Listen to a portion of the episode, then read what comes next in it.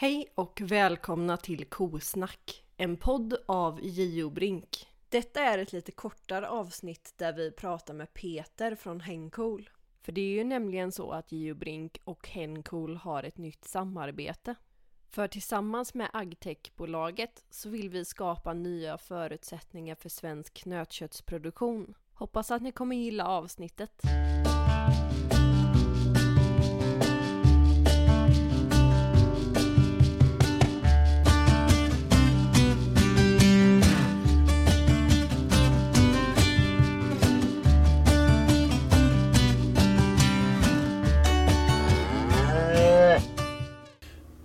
Nej, men vi, vi har ju jobbat med, med Kianan i många år eh, och så ville vi ändra avtalen lite och, och bredda så vi kunde få in andra produkter. Och ett av de produkterna som var spännande var ju Henkul.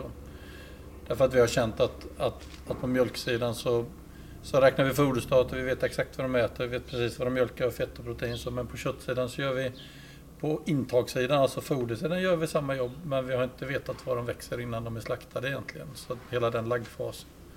Så, så bara det blir spännande och sen så tror jag det finns massor med andra mer spännande länkar till slakteriet och, och rätt slaktvikter och allt sådär. Men, eh, mm. Jo men jag hakar på lite grann. Så det har ju varit en gammalmodig bransch. Nöt, nötkött överlag va. Hela biten va. Hanteringen, slakterierna har liksom varit väldigt motsträviga Mm. på systemen här. Va? Mm. Eh, har enstaka rådgivare på andra, på andra organisationer också som, som är intresserade men det går liksom inte riktigt att plantera den i styrelser och Mm. affärsledningar där Mm. också. Mm. Eh, och det var naturligtvis en tidsfråga också och då blir kanske ni lite mer snabbfotade Mm. och eh, jag sa väl någonstans där alltså med medelbonden använder växel och Mm. Brink de har de Mm. som ligger lite, lite högre var lite mer in- initierade i sina... Söker lite de progressiva. Ja, ja, ja. Vad är det som gör att slakterierna är lite bromsklossar tror du? Nej, man kan ju bara tänka ta det här med idétaggarna och alltså, eh, alltså följa, följa individerna. Alltså, vi har ju Gotlandprojektet nu som Mm. där du kan, som när du läm, lämnar gården så en läsning på när du går på slaktbilen du en läsning på djuren. När du lämnar djur, last, slaktbilen en läsning, Mm. går in i slakteriet Mm. en läsning där va. Mm. Mm. Jag bara för eh, lite tag sedan alltså jag kom att tänka på någonting på Skåneberg. För många år sedan kunde förberett på mjölkpaket. Mm. Du kunde slå in batchnumret. Mm. Mm. Mm. Och det är ju, jag tror det var 0708 Mm. någonstans. Mm. Mm. Då kunde du se då, alltså de stora gårdarna fick ett jävla genomslag på Mm. procenten i mjölkpaketet. va. Men Mm. Slakten, nej. Mm. Och jag vet inte, det, det är väl kanske, jag vet inte, det har varit lite spretigt i intressenter. De har, Mm. fått sina, de har fått sina slaktdjur och sånt där och inte behövt mm. att Mm. Mm.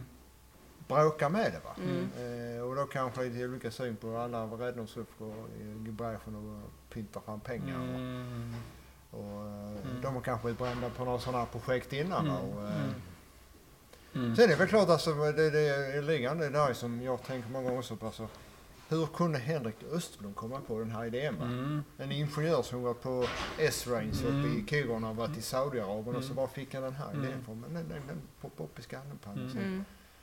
hade han en kollega med sig från en arbetsgivare där som han var på innan. Mm. Som sitter och som de här två liksom. Sen är det så alltså, det är mycket, mycket arbete kvarstår på alltså LSP, vissa bitar där som behöver moderniseras. Men det, det är tagit bit efter bit. Mm. Ydregrinden, ja de, de är duktiga på eh, alltså, svensktillverkat Mm, och eh, mm. vi t- tillverkat ett gäng burar, vi har Mm. brukat säga tio i var serie. Mm. Mm.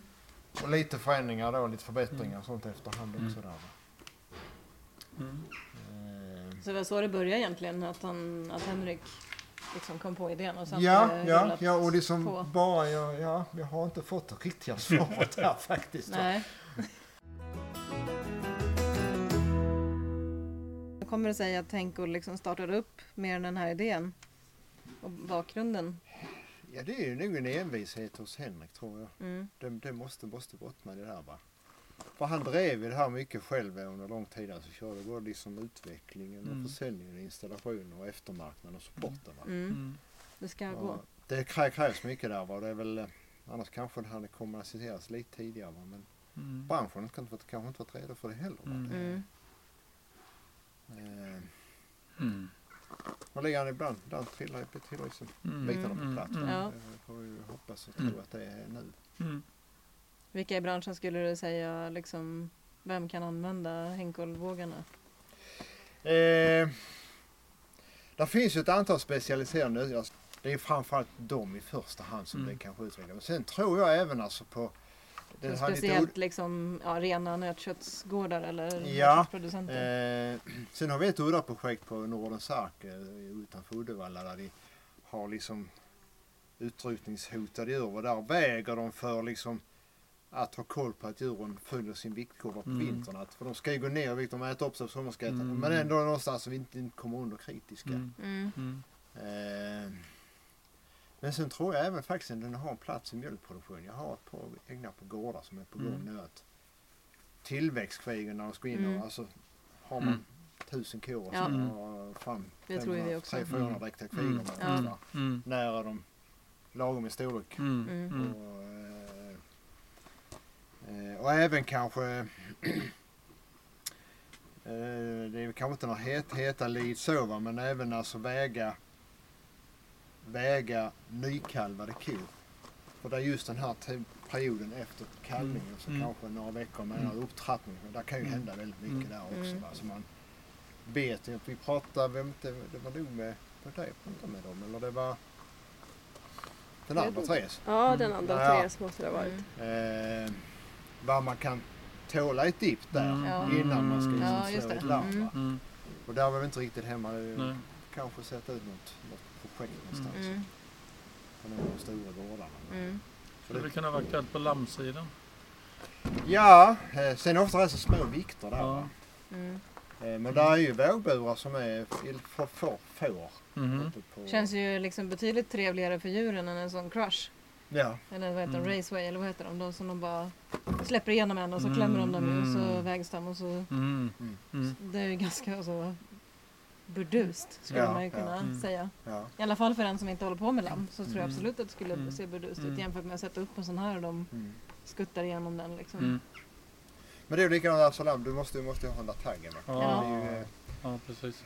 och det har jag sagt, sagt tre gånger idag. En av våra stora stötestenar så är det faktiskt där. Va? Ja. Eh, Vilket är lite svårt att förstå för de kostar ju inget. Det kan De inte vara kostar, priset. och det är väl... I Danmark har det väl varit lagstadgad eller lagstadgat eller eh, Ja. I tio år. Finland Ja. hade från årsskiftet här nu att Ja. alla och det finns ju ett antal länder till som Ja. Mm. Och Sverige som ska vara ett high-tech på många andra sätt. Sen är det klart att det finns nere på Del Valle så det finns ju andra system att identifiera djur också på. Mm. Så Mm. att, eh, Men det är ett väldigt enkelt sätt ju. Mm.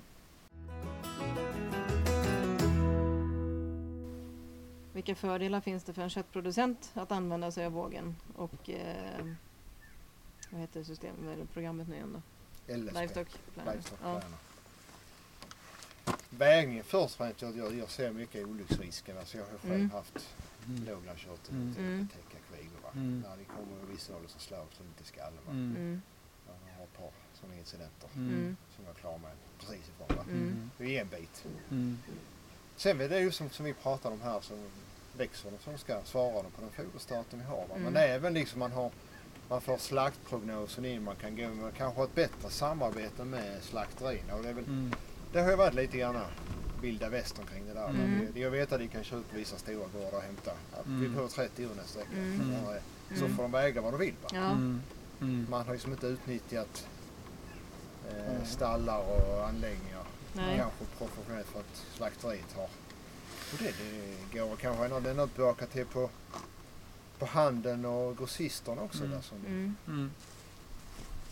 Ja, jag tänker ju som när han och hans pappa som vägde. Och Mm. han är ändå ja, han är en sån som har vägt innan. Mm. Men då behövde de vara han och hans pappa. Två Mm. man behövde de Mm. vara. Mm. Mm. Och det kan ändå slå på 15-20 kilo för har, har tjurarna ätit? Har de Mm. druckit? Mm. Mm. Vad är Mm. liksom Mm. vomfyllnaden? ja, liksom? ja, ja. Eh, och, nu, alltså och nu 30 gjorde han det själv liksom. Inte mycket på sånt djur men det är ändå, det är ändå en slaktkroppsvikt. Ja, visst. Mm. Mm. Det slår ju på, på tillväxten om man bara sätter sig ner och räknar på. Ja, bara visst. Mm. 15, 20, 30 kilo. Mm. Ja. på. Va? Absolut. Så, och så som han sa, det var ju ja, man fick ju många fler vikter så det var ju mycket mer statistiskt Mm. Mm. rätt vikt Mm. nu än vad det var förut. Mm. Mm. Även om det som var förut var bättre än att inte väga alls. Ja, Men det ja, var fortfarande ja. ett riskmoment och man behövde Ja, vara två ja, man. Ja, ja. Och nu är det mycket lugnare. Det är väl de två, två stora bitarna. Sen då att det, det är väl inga konstigheter att det, det är en webbtjänst. Alltså, man kan plocka upp det var som helst. Vi har ju inloggningskonto på gång till er allihopa. Va? Mm. Eh, och sen kan man koppla på gårdar efterhand. Va? Mm. Men även alltså på gårdsnivå så Karl-Johan och sen kanske han om eh, det är väg nu bara skulle skulle till USA. Va? Mm. Och de har djur på fem beten. Va? Mm. Mm. Att de kan gruppera och göra urval, sina Mm. urval. Det är liksom bara en rätt så enkel funktion egentligen. Sånt där. Mm. Men alltså, och vem som du kan fungera, du kan ta upp läsplattan då och anpassa sig Mhm. den till den. Mhm. Telefonanpassaren Mm. där va. Och nu Mm. med datorn annan och Mm. ska man göra utskrift och sånt så är det datorn va. Mm. Mm. Eh, Där är väl prat om att det ska bli en app, alltså en specialiserad app Mm. alltså framöver. Men det tar ju lite nu va. Eh, och sen då att den här synkroniseringen mot, mot CDB va. Och framförallt om man liksom, när man startar upp den va. Har att djurägaren upplåter en fullmakt till Henkoll och sen eh, knappar vi in det i systemet så justerar eller justeras och läser CDB, VSVA mot CDB varje natt. Så du har Mm. liksom rätt antal djur Mm. i, i stalljournalen. Mm. Om du får en kontroll eller Mm. eh, ja, bara vetskapen om att du har rätt djur. Mm. Mm. Och det var vad vi hade att erbjuda för detta avsnittet. Hoppas att ni har gillat det.